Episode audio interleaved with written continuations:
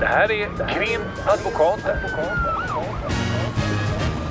Och Krimpodden.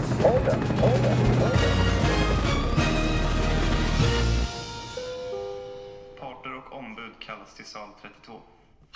Jag hörde precis glassbilen. Mm. Otroligt skönt det är och värsta sommaren. Ja, det är fantastiskt faktiskt. Ändå sitter du här Lotta och retar dig på någonting vet jag. Ja, eller vi retar oss väl egentligen båda två, eller? Vad säger Mm. du? Jag retar mig väldigt, väldigt mycket. Och då kanske vi ska avslöja vad det är vi sitter och retar oss på. Mm. Vi har ju suttit och pratat lite grann om det här med valårs eh, problematiken om man ska se till att det, det är ehm, som det ju så ofta blir i valtider om man ska se även tillbaka i tiden. Det här med att man börjar skrika om att det ska vara högre straff och det ska Och bli att folk hårdare är tag. ute och slår ihjäl varandra på gatorna och, och, och att det sker otroligt mycket mer ofta än, än vad det har skett tidigare. Ja.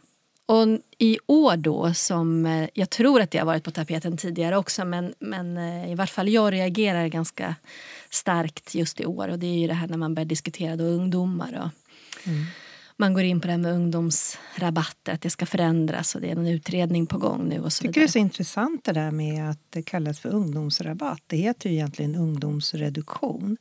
Vad Mm. tänker man på, tror du, när man hör ungdomsrabatt? Absolut. Alltså, rabatt signalerar ju, och framförallt till människor som inte är inne i, i um, juridikens värld såklart, så är det bara att jag har med rabatt, ja då blir det väl halva tiden. och- Rea liksom. Ja men exakt, rea. Och det är ju ganska missvisande. För det är ju ändå relativt fastlagt vad den här reduktionen faktiskt innebär i tid. Men eh, ändå så, så är det ju inte rea på det sättet. Det, Nej. det skulle jag väl inte Det, det, det som. det, det, grejen är ju det att det är man kanske vi kan utveckla lite men det handlar ju om att mellan 15 och 18, mellan 18 och 21 så betraktas man av lagstiftaren som inte helt mogen för att ta helt klart ansvar för alla gärningar. Mm. Vad har du funderat kring det? Apropå mogenhet och rabatt.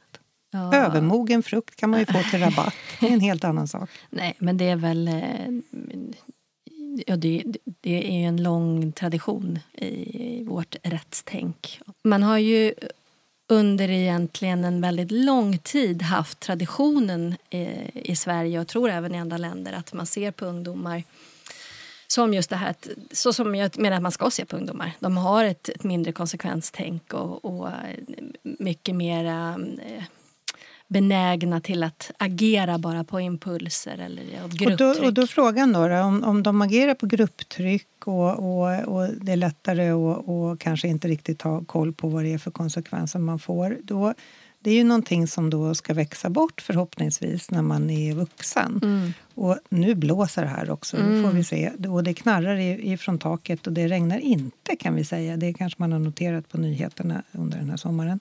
Men eh, det som är det intressanta är ju att det här är ju liksom ett tänk som har funnits hur länge som helst.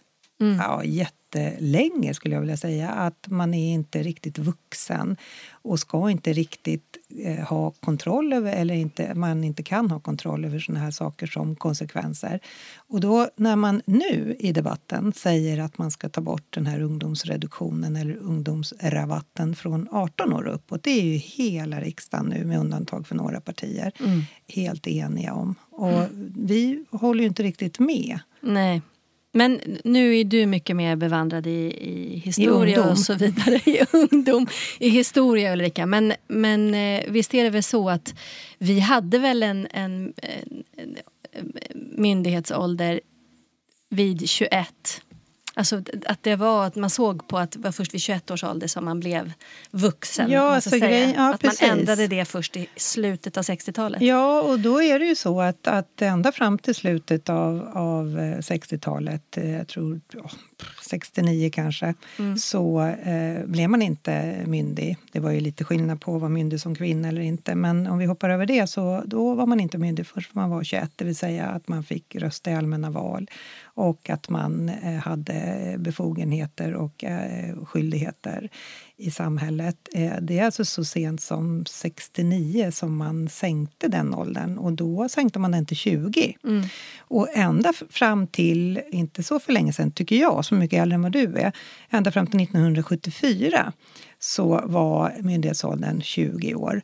Och det är inte förrän då, alltså mitten på 70-talet, som man sänker den till 18. Mm.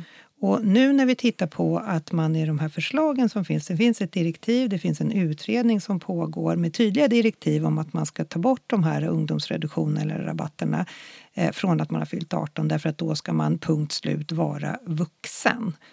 Och då tycker jag att det är intressant. Eh, jag är inte säker på att jag är särskilt mer historiskt bevandrad än vad du är men när jag har suttit och funderat över det här vad det kan bero på att man under så som en lång, lång tradition i Sverige har man alltså betraktat att det är en skillnad eh, innan man blir vuxen ända upp till 21 år. Det är alltså ända sedan 30-talet och det är 1930-talet vi talar om. Men jag tror att idéerna kring eh, när man ska börja se på, på barn och vuxenhet, de kommer redan, alltså de är ju, pff, är från, eh, vi snackar liksom eh, franska revolutionen och tidigare än så. Mm. Jag tror att det till och med, så vi brukar prata i juridiska sammanhang om bonus pater familias, den här familjefadern som är rättrådig.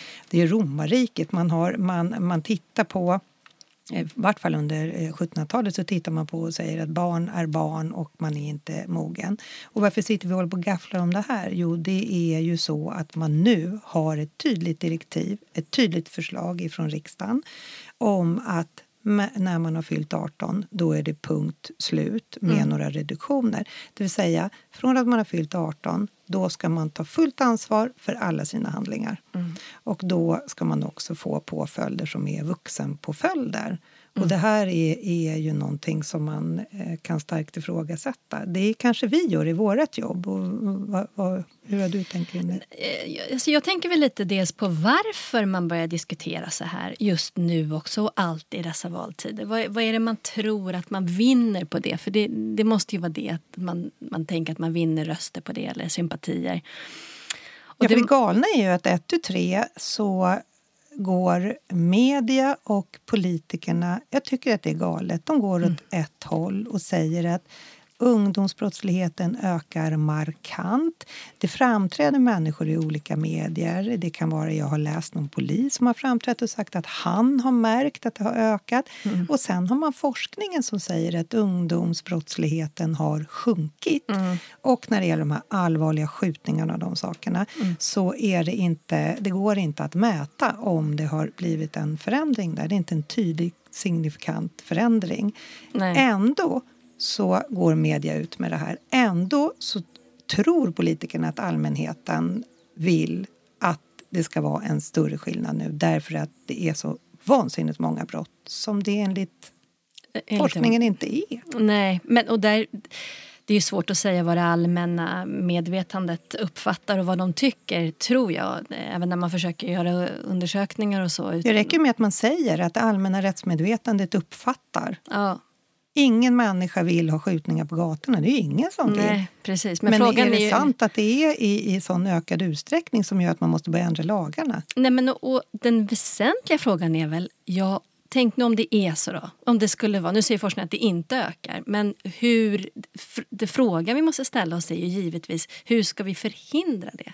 Alltså det, det som allt det här baseras på det är väl tron på att bara vi spärrar in människor under längre tid, ja då skyddar vi samhället. Och det är väl, det är väl där som forskarna, alltså all vetenskaplig grund, vi som jobbar inom detta, jag tror faktiskt att majoriteten eh, i vår värld ser att det inte är riktigt så det funkar. Utan snarare, snarare så är det ju tvärtom. Skickar man in ungdomar, unga vuxna. För jag menar ju, och det tror jag de flesta är överens om, att vad en 19-åring och en 18-åring. Liksom. Och vad händer, vad händer då? Det är det det är det som vi ser i vårt arbete. Det är det vi lär oss av våra klienter. Mm. Vi lär oss ifrån dem och deras erfarenheter. Vi har ju en ingång där. Om poliser får sitta och säga att de ser att mer, mer människor i yngre åldrar begår värre brott utan att ha en statistik på det så har vi inte heller någon statistik. Men vad vi kan bidra med det är de berättelserna vi får av våra klienter som sitter på anstalter, precis hur det går till. Mm. Och om deras berättelser bekräftar att en inlåsning förhindrar framtida kriminalitet.